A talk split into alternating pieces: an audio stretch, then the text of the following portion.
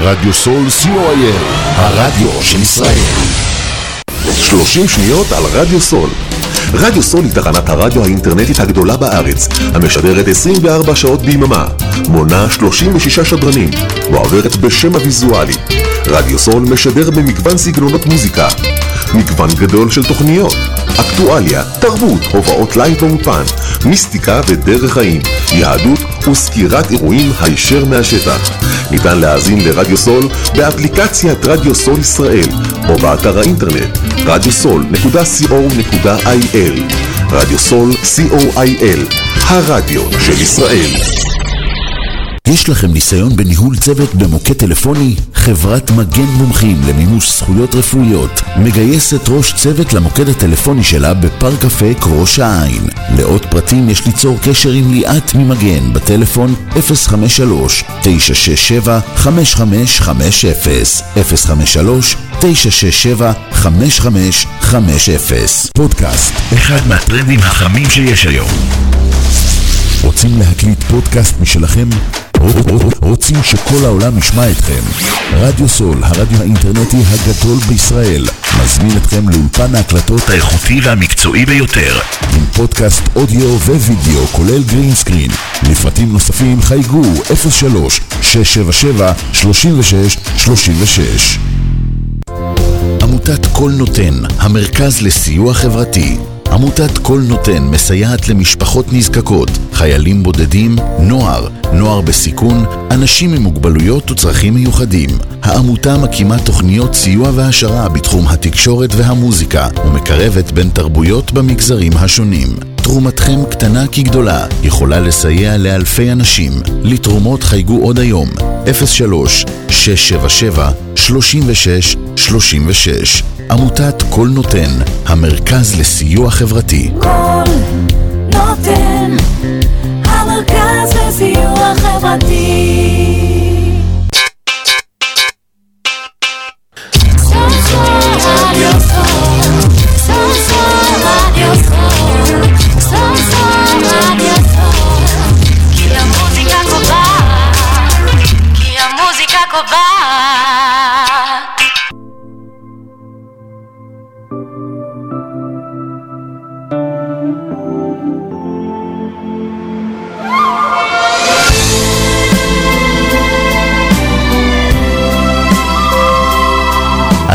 מאזינים לתוכנית מורשת יהודית וזהות ישראלית בהגשת בן שפט.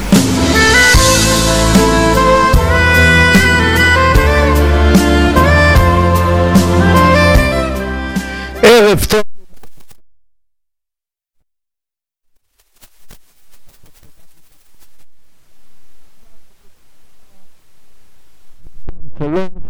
היום יום רביעי, י"ב אדר א' תשפ"ד, 21 לפ... לפברואר 24. מחות... ביום... במוצאי שבת הקרוב אנחנו כולנו נקרא את, את מגילת אסתר, וביום ראשון נחוג את פורים ברוב שמחה עד כמה שאפשר. ושוב בתוכנית מסורת יהודית וזהות ישראלית, מול המיקרופון בן שפט, תחקיר עורך ומגיש, ועימי בשידור שוקי הטכנאי. לבקשת מאזיני התוכנית, הערב אנחנו מתחילים בסדרת שיחות על יסודות בעולם הקבלה למתחילים. אני חוזר עוד פעם, למתחילים. כולנו מתחילים, כולנו לא מבינים. השידור, הסדרה תשודר אחת לחודש, למש, לש, אחת לשלושה שבועות, בימי רביעי, בין השעות חמש לשש, עם הרב אברהם מרדכי גוטליב. הרב אברהם מרדכי גוטליב הוא מקובל מוכר במעגלי עולם הקבלה, אדמו"ר קהילת אשלג בקריית יערים, מקובל ומדריך לעבודה עצמית, חיבר ספרים רבים בתורת הקבלה כמו בלבב שלם, מעגלות השנה, מתן תורה, תלמוד עשר הספירות ועוד ועוד. ולפני שנצא לדרך, נשמע את הפיוט שהרב גוטליב עצמו בחר, הנקרא אוכילה לאל, שכתב הרב אשלג עצמו, שהרב גוטליב הוא מחסידיו, ומושר מפי דני וייצפלד.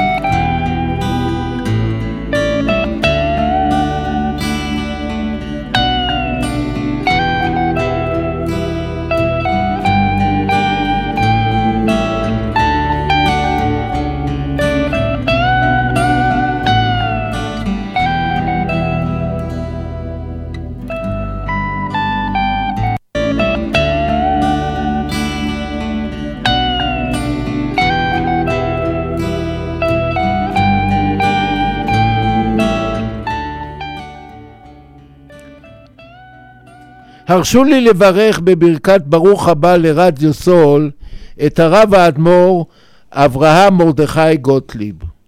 אברהם מרדכי גוטליב הוא מקובל מוכר במעגלי עולם הקבלה, אדמו"ר קהילת אשלג בקריית יערים, מקובל ומדריך לעבודה עצמית, חיבר ספרים רבים בתורת הקבלה כמו בלבב שלם, מעגלות השנה, מתן תורה, תלמוד עשר הספירות ועוד ועוד. ברוך הבא, הרב אברהם מרדכי גוטליב. ברוך הנמצא בן. יפה. מה שלומך? שלומי טוב, אני רואה שהייתה לך קפיצת דרך מירושלים לתל אביב. כן, זה זה אצלנו רגיל. זה אצלכם רגיל. כן. ובטח תהיה קפיצת דרך גדולה יותר חזרה לעיר הקודש. אני לא, בחזרה אני ממשיך לחדרה. עוד יותר טוב. הרב גוטליב, תספר למאזינים בבקשה מה זה מדריך לעבודה עצמית ואיך זה בא לידי ביטוי בעולם הקבלה. מדריך לעבודה עצמית זה אדם שעושה עבודה עצמית על עצמו. זה מדריך לעבודה עצמית. זאת אומרת, אדם כמוני, שהיה סוג של הומלס, נולדתי בבני ברק, בבית, אה, האבא שלי היה אדם מאוד מאוד אלים, אלים. אלים מאוד, מכות, סכינים, זכוכיות, מזלגות. איפה כיבוד הורים לאחר מותם, כבוד הרב? לא להגיד את זה? תחליט לבד. אני רוצה פשוט להסביר מה זה מדריך לעבודה עצמית. אני רוצה להסביר את הרקע שמשם באתי, אבל אני שואל אותך ברצינות, האם אתה סבור שאני לא צריך לספר את זה? אני, למען האמת, הייתי מספר את זה ללא הזכרת ההורים. אה, סבלתי מאלימות בלי להזכיר שזה בא מההורים. כן. זה לא זה בא. מה שלמדתי בבית ובבתי ספר, כיבוד הורים לאחר מותם. אהה. אבל הי- סליחה, האימא שלי הייתה בסדר גמור. לא, אין פה עניין של סליחה. אני לומד מכל אדם.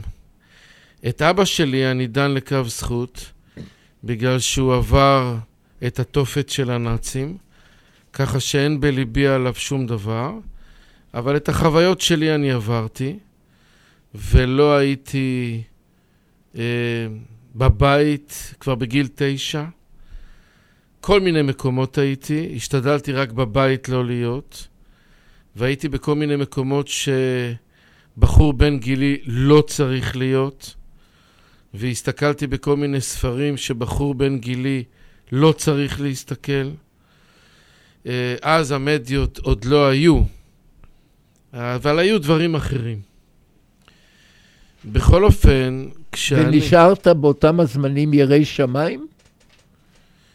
ירא שמיים זה דבר מאוד מאוד קשה. נתקלתי בספר הזוהר הקדוש בצורה עמוקה בגיל 14. התחלתי ללמוד את ההקדמה שכתב הרב אשלג, והדברים האירו לי בצורה נפלאה מאוד. בקיצור, מה שהרב אשלג כותב על חוכמת הקבלה, זה שזהו מדע נפלא מאוד, שעובר דרך העולמות העליונים שקודמים לעולם הזה, והעיקרון המרכזי שם הוא לנטרל את האהבה העצמית ולפתח מה שיותר את אהבת הזולת. ולפני שניכנס לעולמ- לעולמות העליונים, ואנחנו הרי כולנו נמצאים בעולמות התחתונים, תגדיר לנו בבקשה מה זה אדמו"ר ותפקידיו בחיי היום-יום. מה זה רב, אנחנו כולנו יודעים. מה זה השדרוג שנקרא אדמו"רות? בכדי להד... להסביר את זה, אז אני צריך לגמור את מה שהתחלתי. בבקשה.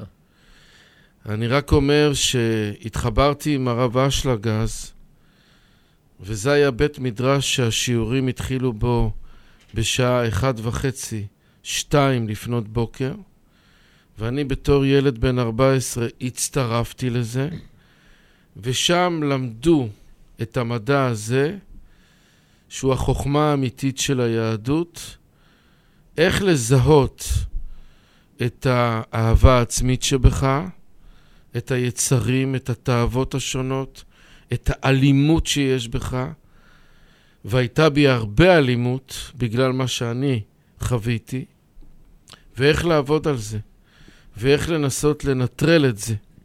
שם למדו את זה וניסו לתרגל את זה שבע ימים בשבוע, מין סוג של מחנה ספרטני כזה.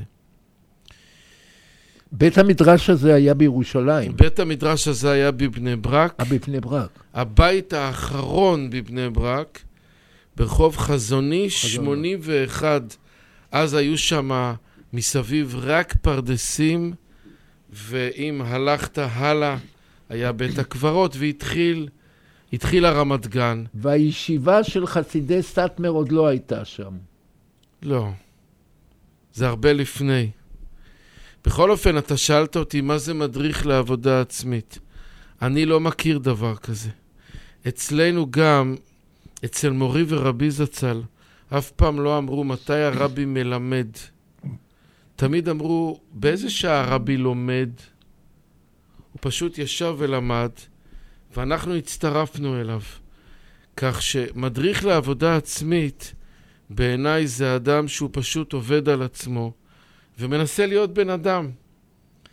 ואם מישהו מצטרף אליו, אז הוא יכול להצטרף למסע שלו ולהרפתקאות שלו. זאת אומרת, בעיניי, אדם שהגיע לסוגים שונים של הצלחות, והוא בא לאחרים ואומר להם, רבותיי, אני כבר הגעתי לפסגות שונות, ואני אלמד אתכם. אז זה לא כל כך מתחבר אליי הדבר הזה. אלא, רבותיי, אני נמצא בתוך מסע משלי, והנה אני למדתי ממורי ורבי, הרב בן שפט, שפט, עליי אתה מדבר. כן, שפט. שפט, שהסביר לי שאפילו אחרי מותם לא ראוי לדבר סרה בהורים. והנה אני, אני קולט את זה ואני אחשוב על זה. אז אני נמצא בעצמי באמצע מסע, ואני באמת אחשוב על זה. אז, איך- אז מה איך זה מק- מדריך לעבודה עצמית? איך מקיימים מסע בעבודה עצמית? איך עושים את זה בחיי היום-יום? איך עושים את העבודה העצמית בחיי היום-יום? מה המסע הזה אומר? המסע הזה אומר במושגים פשוטים, זה שאני משתדל לדון כל אדם לכף זכות, האנשים הקרובים אליי, אשתי, חברים, תלמידים, אנחנו נתקלים יום-יום בהרבה מאוד אנשים, ולפעמים הם מדברים לא לעניין, לפעמים מתנהגים לא לעניין, ועבודה עצמית זה אומר שאני מנסה להשתלט על הכעסים שלי ועל החרדתיות שלי ועל התוקפנות שבי, לדון אותם לכף זכות, להסתכל על הדברים הטובים שבהם ולהתנהג בהתאם. אתה יודע, בעל הסולם שחיבר את פירוש הסולם על הזוהר, הוא ביקש מהתלמידים שלו... בעל הסולם זה הרב אשלג. כן. ביקש מהתלמידים שלו שכל אחד יחזיק את השני בתור גדול הדור. זאת אומרת, להתרגל לריספקט כלפי השני. אם אני למשל אחשוב על אשתי במושגים כאלה, שהיא אישה מאוד גדולה ומאוד צדיקה ומאוד מוסרית, ואני אני אלך ויפליג שהיא ממש מלאך, אז הריספקט ילך וייבנה אצלי. וזה כבר בסיס טוב לקיים ואהבת לרעך כמוך. אז צריכים בעצם לאכוף את יצרנו. נכון, אבל אנחנו אומרים בבוקר, לאכוף את יצרנו, לעבוד ולהשתבד לך. כן. זה אנחנו עוצרים רק מול האל. זה גם אמור להיות מול האדם? כן, ואהבת לרעך כמוך, ואהבת את השם אלוקיך. אדרבה, ואהבת לרעך כמוך, קודם ל"ואהבת את השם אלוקיך. אתה בגלל... בעצם רוצה לומר שאנחנו צריכים, במילים שלנו, להוריד את מנת האגו האישי, לאן? להוריד, להוריד. לאן? אז זה כל אחד יחליט לעצמו לאן הוא מוריד את זה. אבל uh, רבי עקיבא, שהוא בא לומר שהכלל המרכזי בתורה, הוא לא אמר ואהבת את השם אלוקיך, אלא הוא אמר ואהבת לרעך כמוך. גדולי ישראל ציינו את התקשורת האנושית בתור המדד האמיתי ובתור עיקר היהדות והתורה, ולא התקשורת עם הבורא. והסיבה היא, כי הבורא הוא בלתי נראה, ואדם יכול להפליג לסוגים שונים של אסטרונאוטיקה בקשר לבורא. אבל עם אשתך שאתה חי איתה יום-יום, ועם חברים, ותלמידים, ובעבודה, ובבית הכנסת, שם אתה לא יכול להיות מדומיין כל כך. אתה מרגיש טוב מאוד את ההתחככות שלך איתם. האם יש שם אהבה? האם יש שם תיאטרון? האם יש שם אלימות? מה קורה ביניכם? לכן בין אדם לחברו קודם לבן אדם לבורא. שאלת אותי מקודם מה זה האדמו"ר. אדמו"ר זה שבאים עשרה אנשים ואומרים לבן אדם מסוים, תראה, לא משנה הסיבות שלהם, אבל הם אומרים, אנחנו רואים שאתה אדם שיש לו מה למכור, ואנחנו רוצים לקנות. אז מהיום והלאה אנחנו קוראים לך אדוננו, מורנו ורבנו, כי אנחנו רוצים לקנות מה שיש לך למכור. טוב שלא המשכת את המשפט. אדוננו ורבנו, מלך המשיח לעולם ועד, החב"דניקים אומרים. כן, אז את זה קטעת. זה קטעתי, כן. זה לא חסר לי, כן. אבל אז מה ההבדל בידע בין רב לאדמו"ר? גם לרב יש מה להעניק ל, ל, לקהל מרעיו. נכון, רב מתייחס יותר אה, לידע אינפורמטיבי, כלומר, דוגמה, הוא למד הלכות שבת, והוא יכול ללמד הלכות שבת, אה, מביאים לפניו מקרים שונים, והוא אומר איך צריך להתנהג בשבת, או הלכות נידה, או הלכות נזיקין וכדומה. זה המושג רב, זה מתייחס יותר לידע. והמושג אד- אדמו"ר מתייחס יותר להנהגות, לעבודה עצמית, עבודת המידות וכדומה. במילים אחרות, רב מתייחס יותר לשכל, אדמו"ר מתייחס יותר לרגש. לרגש. אתה, הפנה, אתה הפנית את השיחה שלנו קצת ליובלים אחרים, שאני הולך איתך על זה. אז אתה אומר שמערכת היחסים בין אדם לחברו קודמים למערכת היחסים בין אדם למקום. נכון, המקום, אפרופו, זה שם אחד משמות האל. כן. נכון. ואם זה כך, שאלתי אליך היא, אני בזמן האחרון ראיינתי אנשים שונים, יראי שמיים ולא יראי שמיים, דתיים וחילונים. ובכולם מצאתי מחנה משותף אחד. הם אומרים לי, בן, המשיח, המלאכים ותחיית המתים, זו אידאה, זו דעה, זה לא דבר ממשי. המשיח לא אישיות. מה, מה תגובתך לזה, כבוד הרב? בעיקרון אני מסכים, אבל אני לא מוציא מכלל אפשרות את uh, דברי הרמב"ם בסוף הלכות מלכים, שיבוא מנהיג, מנהיג אנושי. אני סבור שעיקרו של דבר זה באמת התפשטות האידיאולוגיות של האהבה, של חוכמת הקבלה, של הזוהר. מבחינתי זה התפשטות הגאולה. הגאולה משמעותה פשוט, שנצליח לאהוב אחד את השני. זו הגאולה. אבל זה בעצם תפקידו של המשיח. המשיח, תפקידו מגלות לגאולה, ולהביא אותנו, העם הנבחר, למקום ששם יבחר הקדוש ברוך הוא לשכן אותנו, זה באשר לעבר. באשר להווה, הוא מהווה איזה מין רעיון של ביטחון. אני, אני במצב לא טוב, אבל, ואולי גם רפואי, אבל המשיח יבוא ויעזור לי. אבל אם זו רק דעה, ואין תחיית המתים, ואין מלאכים, אז מדוע אנחנו אומרים בהנני אני ממעש שלוש פעמים בשנה, שכל המלאכים יובילו תפילתי לפני כיס- כיסא כבודיך ויפיצו אותה לפניך. אם אין מלאכים, אז מה קורה פה? אז אני רוצה להסביר מה כן יש, לא מה אין.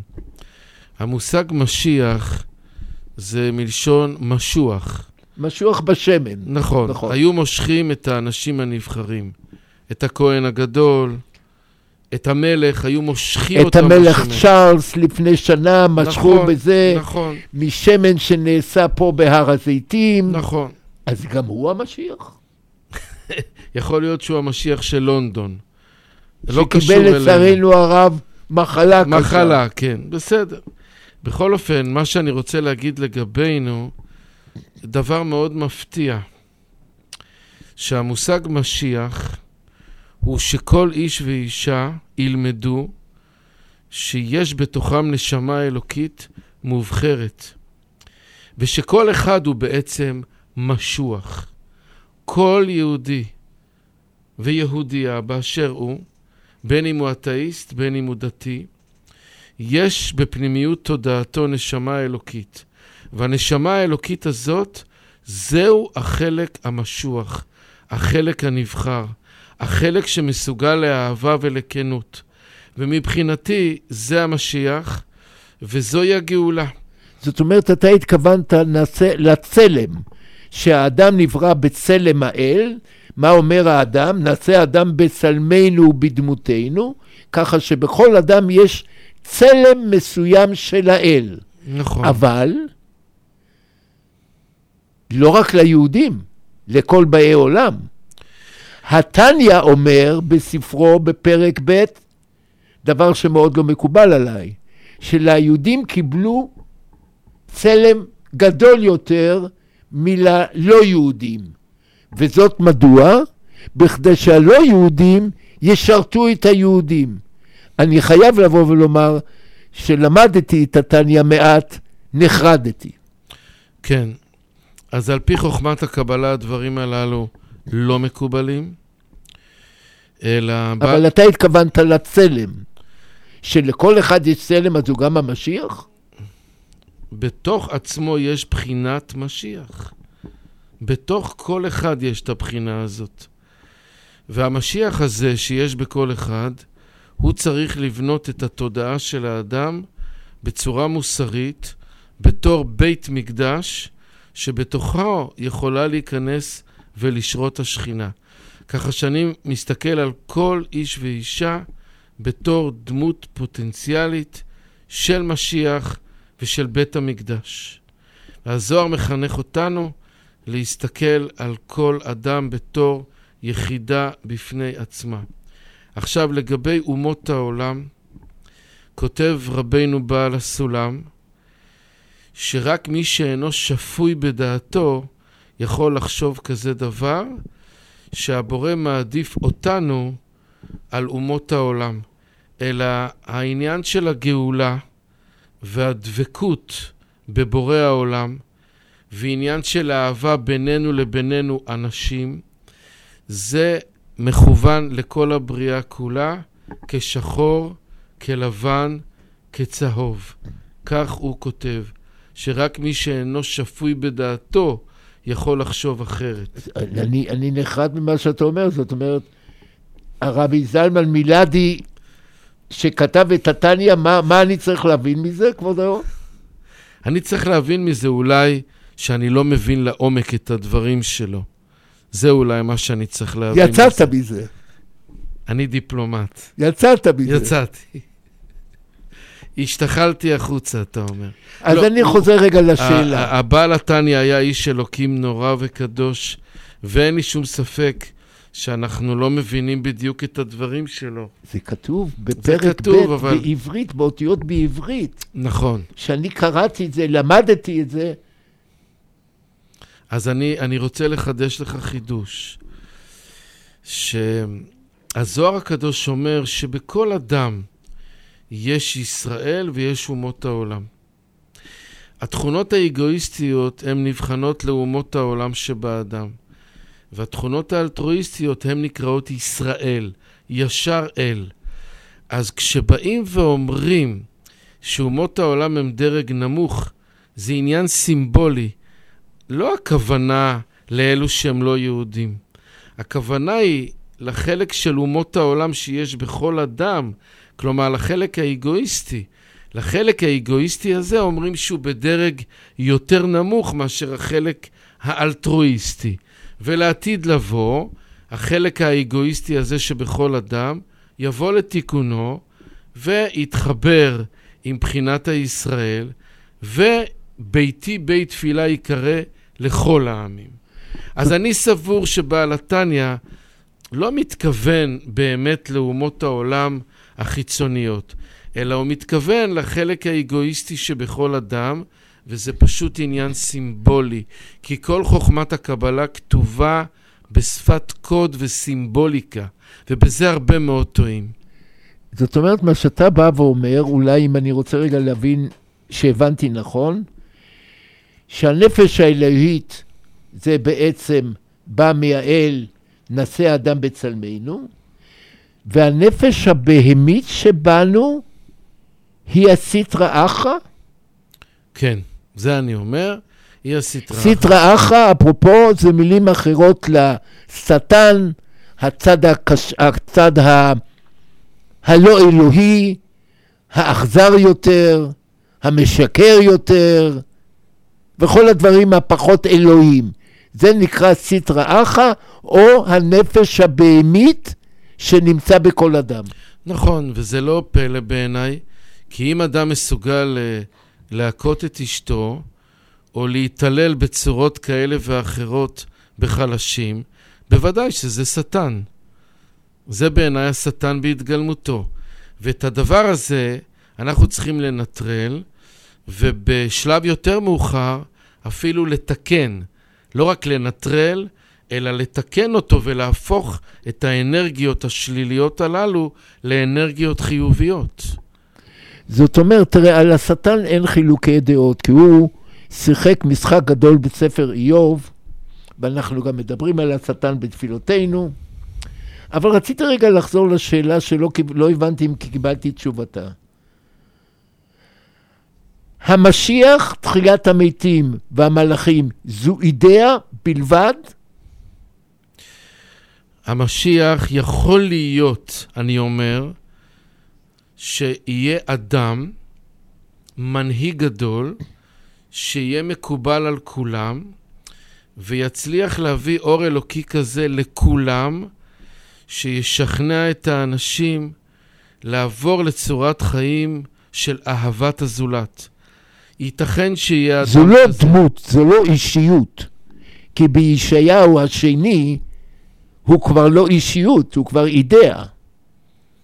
ואז אני אומר, אם הוא לא אישיות או דמות, והוא רק אידאה, אז גם תחיית המתים לא תקרה. אז אני אומר שוב, הרעיונות האלו, עיקרם פנימיים. מה זה תחיית המתים? חכמים אומרים, רשעים בחייהם נקראים מתים. זאת אומרת, מה שהרשע סבור שזה חיים, אליבא דאמת זה מוות. הרשע סבור שצורת חיים נהנתנית זה חיים, זה לעשות חיים. באים חז"ל ואומרים לא, יש לך טעות. צורת חיים נהנתנית אגואיסטית זה מוות. גם מוות מבחינה אנושית, כי אתה הורס את עצמך והורס את החברה, וגם מוות מבחינת הניתוק שלך מהבורא. ברגע שכוחות הרשע שבנו, האגואיסטים, ייתקנו, והאנרגיות השליליות יהפכו להיות אהבת אלוקים ואדם, זה נקרא תחיית המתים. התכונות הרשעיות שבתוכנו, שהן מתות, יקומו לתחייה כאשר הם יתקנו. התחברתי לזה. זהו. התחברתי. אני, לא סבור שבבתי הקברות תהיה מהומה ופתאום כל העסק אה, יחזור לחיים, ואז... זו אלגוריה בעצם. נכון. אני לא סבור שהדברים כפשוטם. אני לא סבור ששר השיכון יצטרך לעשות שמיניות באוויר בשביל למצוא דיור למיליוני אנשים. אולי זה יגיע למיליארדי אנשים, אם תאסוף את כל הדורות. בתי הקברות הרי הם מלאים מלאים. אני לא סבור שזה מה שיקרה. אני סבור שמה שהקדוש ברוך הוא רוצה כאן, זה פשוט לתקן אותנו, זה הכל. אז הרשעים... וזו תחיית המתים. זו תחיית המתים. יפה. כן. יפה. זו תחיית המתים, וזה משיח וזה גאולה, ועל זה אנחנו צריכים לכוון, ולא להתחבר לכל מיני, למשלים. עושים מהמשל נמשל. הכ- כל הדברים שכתובים זה בעצם, הכל כתוב בשפת קוד. צריכים להבין את הדבר הזה. זה, והקוד הזה זה קודים, כתוב, הקוד הזה מובהר יותר בקבלה. נכון. אז תכניס אותנו בבקשה קצת לספר הקבלה. מי כתב אותו, מתי כתב אותו, נכתב ולמען מי הוא נכתב. ספר הקבלה הבסיסי ביותר זה ספר היצירה, שמיוחס לאברהם אבינו, וגם את זה צריך להבין, מה זאת אומרת שהוא מיוחס לאברהם אבינו? האם בתקופת אברהם אבינו היו בתי דפוס? על מה הוא כתב? על פפירוס? על מה הוא כתב? אז גם זה לא כפשוטו. הכוונה היא שהמדרגה הרוחנית של ספר היצירה מיוחסת לנשמתו של אברהם אבינו. תזכיר לנו מתי ספר היצירה נכתב. הוא, נכ... הוא נכתב ונמצא, אני לא זוכר באיזה שנה. במאה הראשון, ה- הראשונה לפני הספירה. או, אז אתה יודע. רציתי שאת המאזינים שאתה תשתתף איתנו ותספר לנו. על הספר היצירה לא נתרכז כרגע, זה ספר שעומד בפני עצמו. למען מי נכתבה הקבלה? ומי כתב אותה? הקבלה מתחילה בספר הזוהר למעשה. רבי שמעון כתב? בר יוחאי עם חבורת תלמידיו המצומצמת. אמ, הם חיו בגליל, באיזה שנה? אני לא יודע שנים. אתה תדע את השנים, תגיד אתה. זה היה, זה היה בתקופה של אחרי חורבן בית המקדש נכון, השני. זה היה באחרי החורבן של בית המקדש. כן, ויש גם האומרים שלא רבי שמעון בר יוחאי כתב את זה, אלא כתב את זה רבי משה די ליאון. דה ליאון, בראבו. נכון. למה יש פה חילוקי דעות? אה, בגלל ש... ורבי שמעון דה ליאון כתב את זה במאה ה-13 לאחר הספירה, כן, קצת בימיו של הרמב"ם, כן. אה, באותה מאה. אז איך, איך, איך אנחנו לא מבינים בדיוק מתי העסק הזה קרה? נכתב. כן. אנחנו סבורים, עיקר היהדות סבורה שזה נכתב על ידי רבי שמעון בר יוחאי וגם לא על ידו. הוא היה אומר מאמרים יום-יום לפני תלמידיו, ובאחד מאמרים כתוב שרבי שמעון בכה, הוא היה בדילמה, בקונפליקט. הוא אמר, אוי אם אני אגלה את זה, ואוי אם אני לא אגלה את זה. אם אני אגלה את זה, אולי זה יתגלגל לידיים לא הגונות. ואם אני לא אגלה את זה, אז זה יהיה הפסד גדול מאוד לעם ישראל. מה רצה לגלות או לא לגלות? מה היה, מה היה נסתר? התקשורת עם הכוח האלוקי שמנהל את היקום. זה דבר סודי. איך לתקשר בצורה ריאלית, מוחשית, עם הכוח שמנהל את כל היקום. איך למצוא את המפתחות התודעתיות להתחבר עם האנרגיה הזאת ולתקשר איתה. זאת אומרת, מה שכתוב בתנ"ך, כדבר איש אל רעהו, דיבר השם אל משה פנים בפנים. אומר בעל הסולם, זה שייך לכל אדם. כל איש ואישה צריכים לזכות לדבר הזה. לדבר עם בורא העולם בתקשורת דואלית, פנים אל פנים. אז איך עושים את זה? איך זוכים לכזה דבר? לדבר איתו ושהוא יענה לך. לא כמו שיש בבתי הכנסת, עומדים ומתפללים, אבל אתה לא יודע אם מישהו שומע אותך או לא שומע אותך. הרמב"ם אומר שעל כל ברכות השמונה עשרה, רפאנו אדוני ונרפא וכולי, הקדוש ברוך הוא לא יושב בצד השני של הטלפון כאיש קופת חולים. אלא מה כן? מה הוא אומר? הוא אומר, אני יודע מה הוא אומר, אבל בוא, בוא נתקדם. נתקדם, בסדר. בוא נתקדם. איך מתח... רבי שמעון בר יוחאי בחר ברבי אבא לכתוב את הזוהר. זאת אומרת, רבי שמעון אמר את זה, אבל לא כתב את זה. מי שכתב את זה, זה היה רבי אבא, אחד מתלמידיו. מדוע? אז כתוב שם בזוהר, מפני שרבי אבא בקיא לכתוב ברזה. כלומר- ברזים. ברזים. הוא, בשפתנו, הוא בקיא לכתוב בצורה של קודים. וזה דבר מתוחכם מאוד.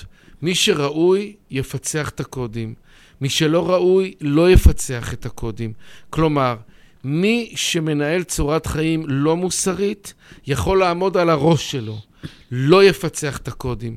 הקודים האלה ייפתחו רק לאדם שמנהל צורת חיים מוסרית. אתה תוכל ב... בהמשך הסדרה לפצח לנו את הקודים, לנו ולמאזינים, איך נתקרב במידה ורוצים לבורא עולם. אתה תוכל לפצח לנו? בעזרת אתה השם. תוכל אה, לפתוח לנו את, ה... את דלתות המסתורים? בעזרת השם, כן. אבל אני אומר עוד פעם, זה תלוי בעבודה העצמית של כל אדם. אם אדם לא עובד על עצמו בסוג העבודה שעליה דיברנו בתחילת שיחתנו, אז הוא ישמע את הדברים אולי, לא יוכל להתחבר לזה נשמתית. כזה בתור ידע אינפורמטיבי חיצוני, אבל לא התחברות נשמתית. ומי שבאמת באמת רוצה לזכות לנס הזה, נס. אנחנו חיים פה, והחיים שלנו לא מי יודע מה ארוכים. חיים הם די קצרים ועוברים מהר. מי שרוצה עוד בחיים האלה לזכות לנס הזה, להרגיש את האלוקים בהרגשה מוחשית, כמו שאני מרגיש אותך, בן, ואני מדבר איתך ואתה מדבר איתי, ואין לך שום ספק שאתה מדבר איתי. מי שרוצה לזכות לוודאות כזאת בתקשורת שלו עם האלוקים, אז הוא צריך לעבוד על עצמו, קודם כל בעניין הזה של ואהבת לרעך כמוך. בזמנים הללו שאנחנו נמצאים פה בסוג של מלחמת אחים, והרבה מאוד קללות ונאצות במשכן הכנסת ומחוצה לו, הגיע הזמן שנבין שבמקום לקבל יחסים נפלאים בינינו לבינינו ובינינו לבין בורא עולם, אז אנחנו מקבלים נשיקות עם החמאס. אז נחזור רגע לכתיבה. והיה, וזה היה רבי שמעון בר יוחאי במאה הראשונה או השנייה לספירה. איך, הרי לא היו אז פפירוסים. איך זה עבר מדור לדור? כי בימי משה דה ליאון כבר נכתבו דברים על פפירוסים. נכון. אז הנקודה היא כזאת, אחד, החוכמה הנפלאה העתיקה הזאת, הכתר של כל היהדות, הכתר. הכתר של כל היהדות, כן. אנחנו נדבר בשיחה הבאה על מה הכתר. זה כתר. נכון. היא נקראת חוכמת הקבלה, מפני שקיבלו אותה איש מפי איש. אחד על אחד. מפה לאוזן. מפה לאוזן זה ביטוי גשמי. פה אל פה אדבר בו, זה ביטוי רוחני. הביטוי פה אל פה מראה על התאמה מקסימלית בין המשפיע לבין המקבל. זה לא הנשמה מלאכותית. הכוונה היא להתאמה מקסימלית בין נשמת המשפיע לנשמת המקבל, אחרי שהרב בדק את התלמיד וראה שהוא מספיק מוסרי ומספיק עובד על עצמו, אז הוא התחיל להעביר לו את סודות התורה. ולכן זה נקרא חוכמת הקבלה, כי קיבלו את זה איש מפי איש. במשך אלף שנה. אלף שנה. וזה היה נעלם מכלל ישראל. רבי משה די לאון הוא הראשון למעשה שגילה את הדבר הזה כתוב. וזה גם לא בבת אחת, אלא זה נתגלה בתקופות שונות. מי ששם לב, הזוהר עצמו הוא מאוד רב גוני, והוא בנוי מכל מיני מחלקות. יש את הזוהר הרגיל, יש זוהר חדש, למשל, שזה זוהר שנתגלה בתקופה מאוחרת יותר. יש תיקוני זוהר, זה חלק של הזוהר שנתגלה גם כן בתקופה אחרת. זאת אומרת, הסיפור אומר, הסיפור אומר שאשתו של רבי משה די לאון הלכה לקנות דגים ועטפו לה את הדגים במין, במין פפירוסים ישנים והיא באה הביתה ובעלה במקרה שם את העין על הפפירוסים האלו, והיו כתובים שם דברים. והוא התחיל לקלוט מה כתוב שם, ומכיוון שהוא היה אדם מאוד מאוד גדול ועליון, הוא מצא בזה אור מאוד מאוד גדול. ואז הוא שאל את אשתו, תגידי, מאיפה הבאת את הדבר הזה? אז היא אמרה לו, מחנות הדגים הבאתי את זה. אז הוא רץ לשם, ושם היו עוד הרבה ערימות מהפפירוסים האלה, והוא קנה אותם. הוא שילם בעדם, כי הוא הבין את הערך שלהם. אבל במשך אלף שנה לשמר את הזוהר, בשיטה שאנחנו קוראים מפה לאוזן, אתה קורא לזה קצת אחרת, זה פתוח להרבה מאוד שינויים. זה מזכיר לי את, ה, את המשחק, אה, איך שיחקנו כשהיינו ילדים, אה, טלפון שבור. טלפון שבור. עד שזה הגיע אחרי 17 ילדים, הוא בכלל הבין משהו אחר. נכון. אז מה, איך, איך אנחנו מבינים את זה ככה? אתה מציג פה בעיה, כאילו איך האותנטיות נשמרה. אלף שנים. כן. אלף שנים. נכון, במעבר מתלמיד, מרב לתלמיד, מרב לתלמיד.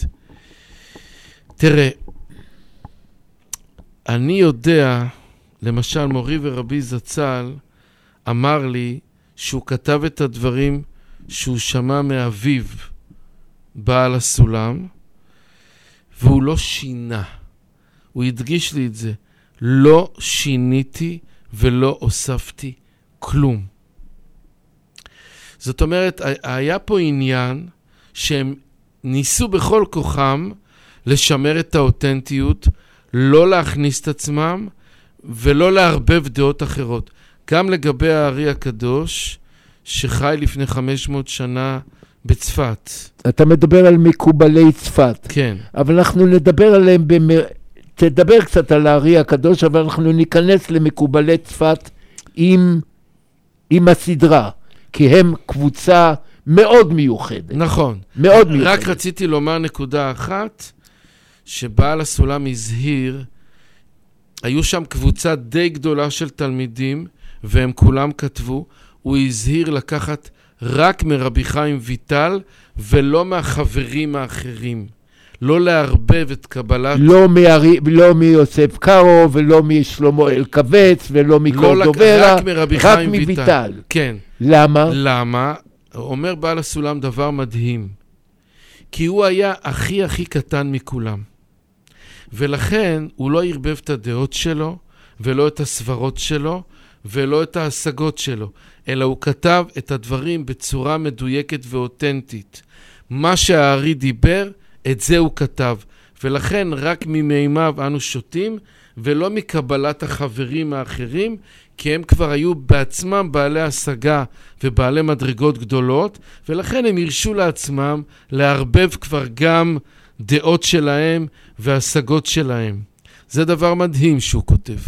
אבל הארי הקדוש חי, ב, נדמה לי, ב-1520 בערך. הקבלה נכתבה במאה הראשונה. כן. יש פה 1,400-1,500 שנה הבדל. איך, איך, איך אנחנו מתגברים על זה? שההוא בסוף, זה הטלפון השבור, הוא, הוא המציא משהו חדש. כן. התשובה היא כזאת.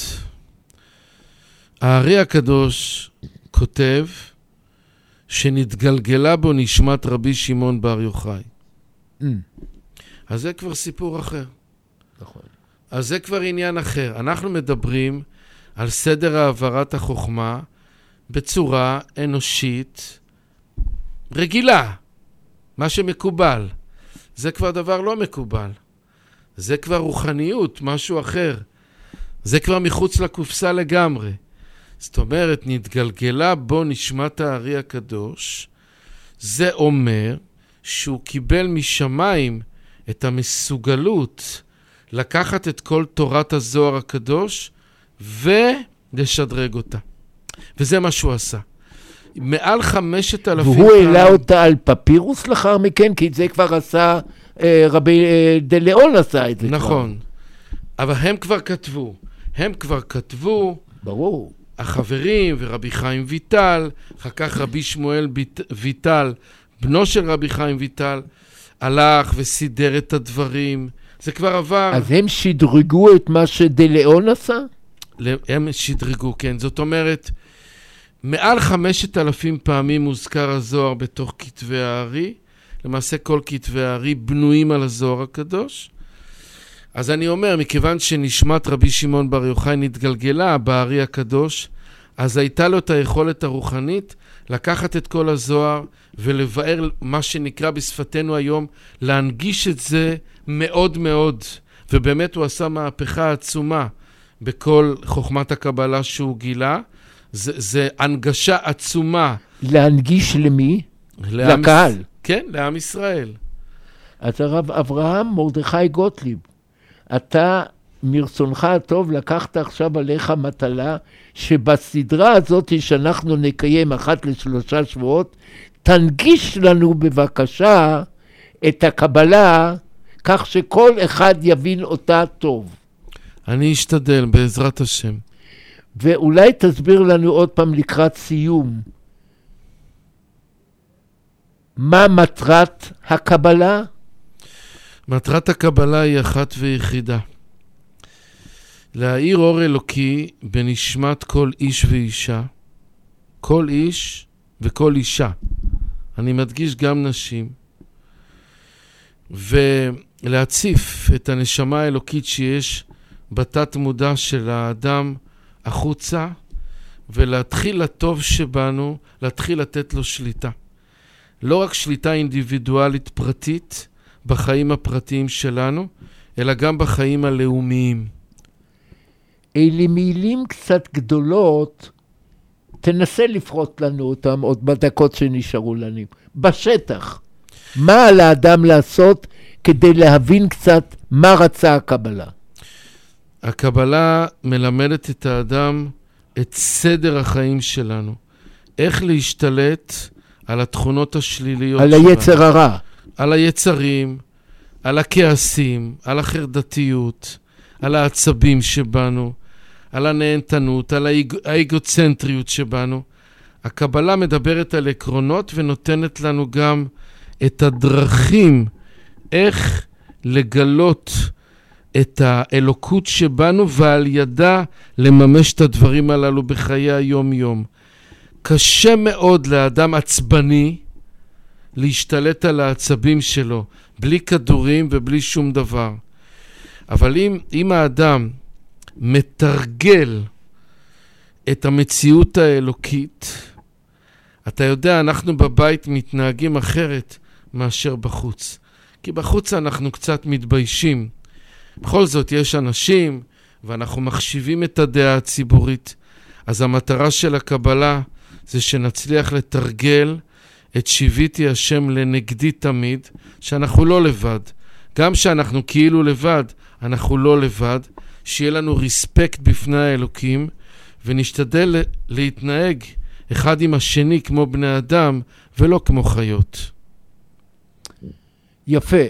אני חושב שהסברת את זה מאוד נכון, ומכיוון שזמננו הולך לביתם, מה היית, הרב גוטליב, מבקש שהמסק... שהמאזינים יזכרו משיחתנו היום לקראת שיחתנו הבאה בעוד שלושה שבועות? מהמאזינים והמאזינות היקרים, הייתי ממליץ לכם להתחיל לאט לאט להיכנס לתוך הלימוד הזה. יש ספר נפלא מאוד, פשוט מאוד, שנקרא מתן תורה, שכתב הרב אשלג. למעשה הוא כתב את זה בשביל חילונים, לא בשביל דתיים.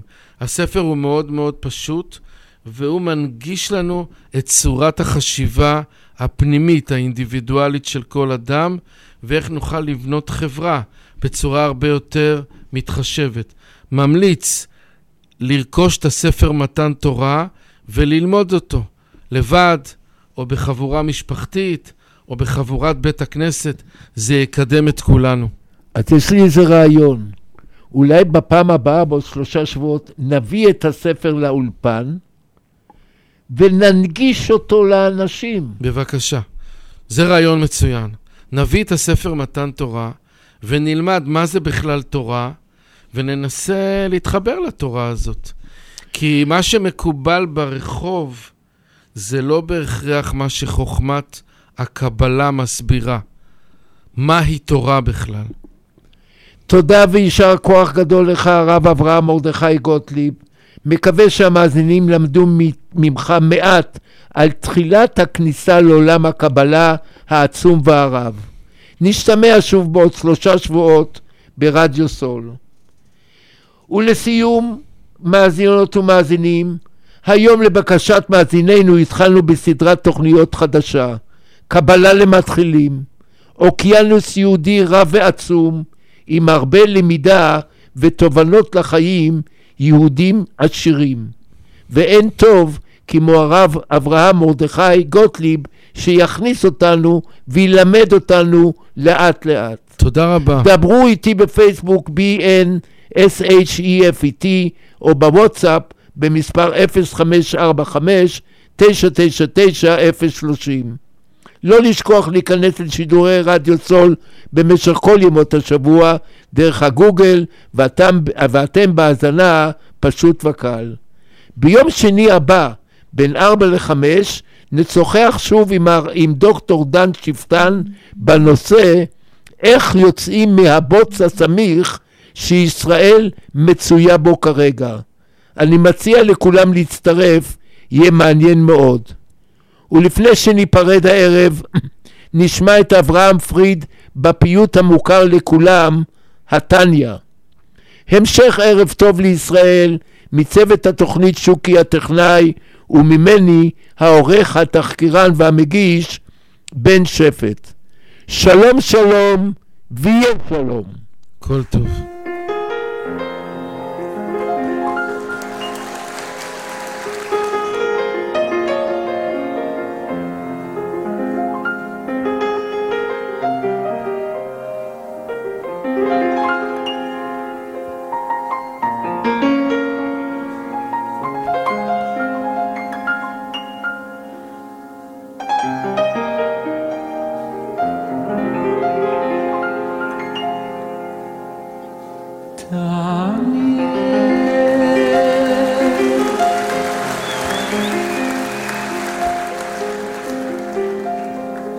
Rabbi Shmuel Ben Elisha. Hab mir gelernt Hab gesucht der Elige Rabbi Shmuel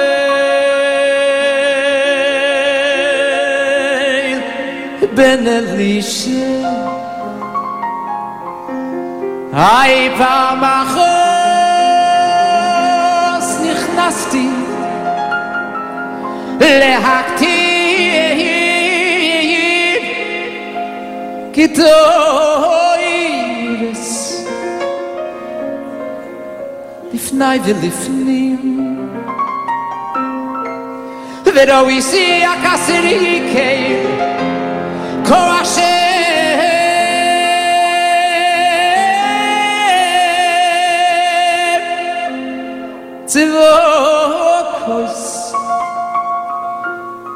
שיא הכסרי קיים כוח השם צבוקוס שהוא יושב על כיסא ירום וניסו ויאמר לי ישמו אל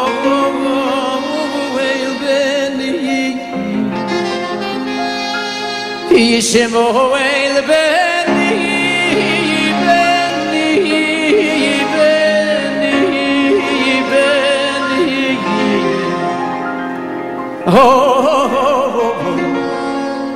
בורכייני היי ויאמר לי ישמואל אלוהי בני ישמואל בני